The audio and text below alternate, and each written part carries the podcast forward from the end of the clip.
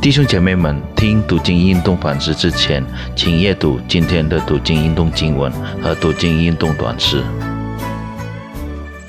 亲爱的弟兄姐妹平安，感谢神的带领和看顾，让我们今天还有机会来学习他的话语。我们先低头祷告，爱我们的主，我们满心感谢你，今天再次给我们机会，可以学习你的话语。求圣灵光照我们的心。让我们可以明白、理解你的话语，并且把你的话语运行在我们日常生活中。谢谢你这样祷告，是奉靠耶稣基督的名，阿门。我们今天要学习的经文取自于马太福音第十三章，我们从第十八节读到第二十三节。所以你们当听这三种的比喻：凡听见天国道理不明白的，那二者就来，把所撒在他心里的夺齐了。这就是撒在路旁的了。撒在舌头地上的，就是人听了道，当下欢喜领受，只因心里没有根，不过是暂时的。极致未到，遭了患难，或者受了逼迫，立刻就跌倒了。撒在荆棘里的，就是人听了道，后来有世上的私利、钱财的迷惑，把道挤住了，不能结实。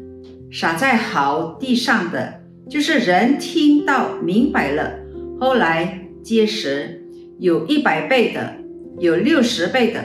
有三十倍的，这类弟兄姐妹们，今天的经文包含了八个关于天国的比喻，那就是撒种的比喻：麦子在麦子里，芥菜种、面教、藏宝、寻珠、撒网和家族的比喻。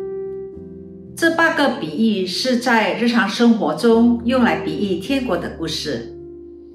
主耶稣使用当时他周围的情况，就是他听中文能理解的，作为解释抽象事物的工具。撒种的比喻教导上帝国度的子民。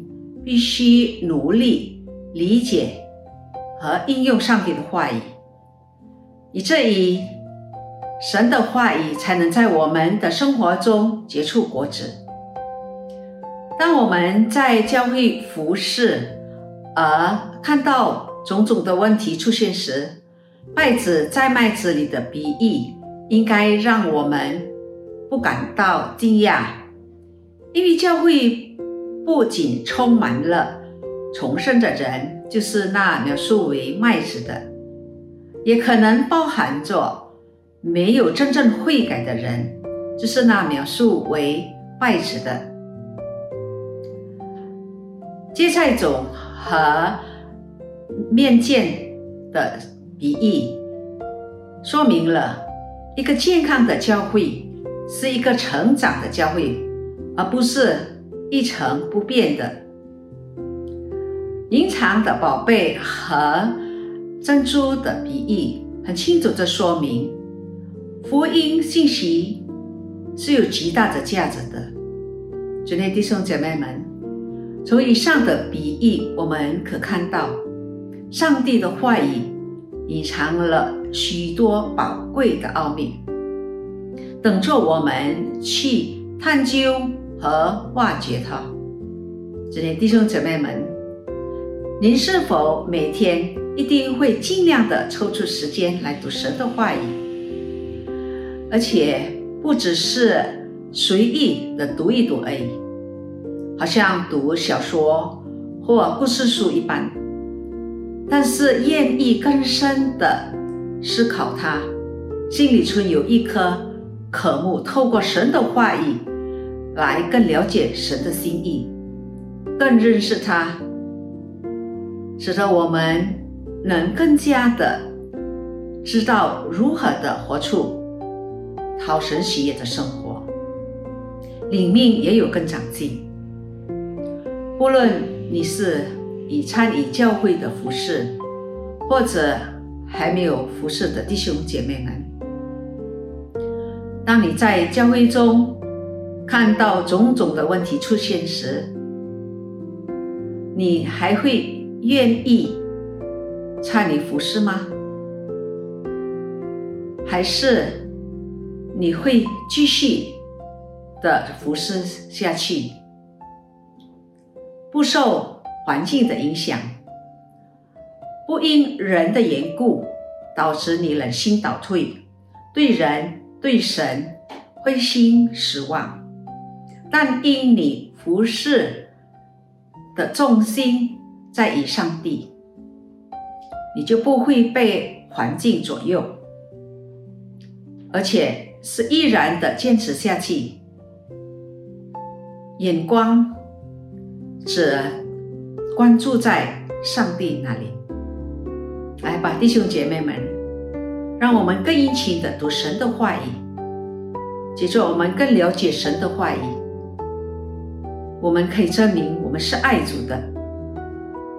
我们以神的话语来面对试探，无论在家庭中、市场中、在教会，甚至在社会中，我们可以成为神的好见证。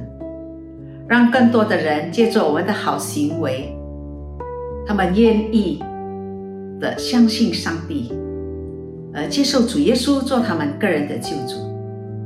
我们低头祷告，天父，我们感谢你再一次提醒教导我们，我们每天必须抽出时间来读你的话语，使我们更认识你，使我们更知道。我们怎么样活出一个讨你喜悦的生活？而你的话语也是我们生活的指南。谢谢你爱我们，这样祷告是奉靠耶稣基督的名，阿门。愿上帝赐福于我们，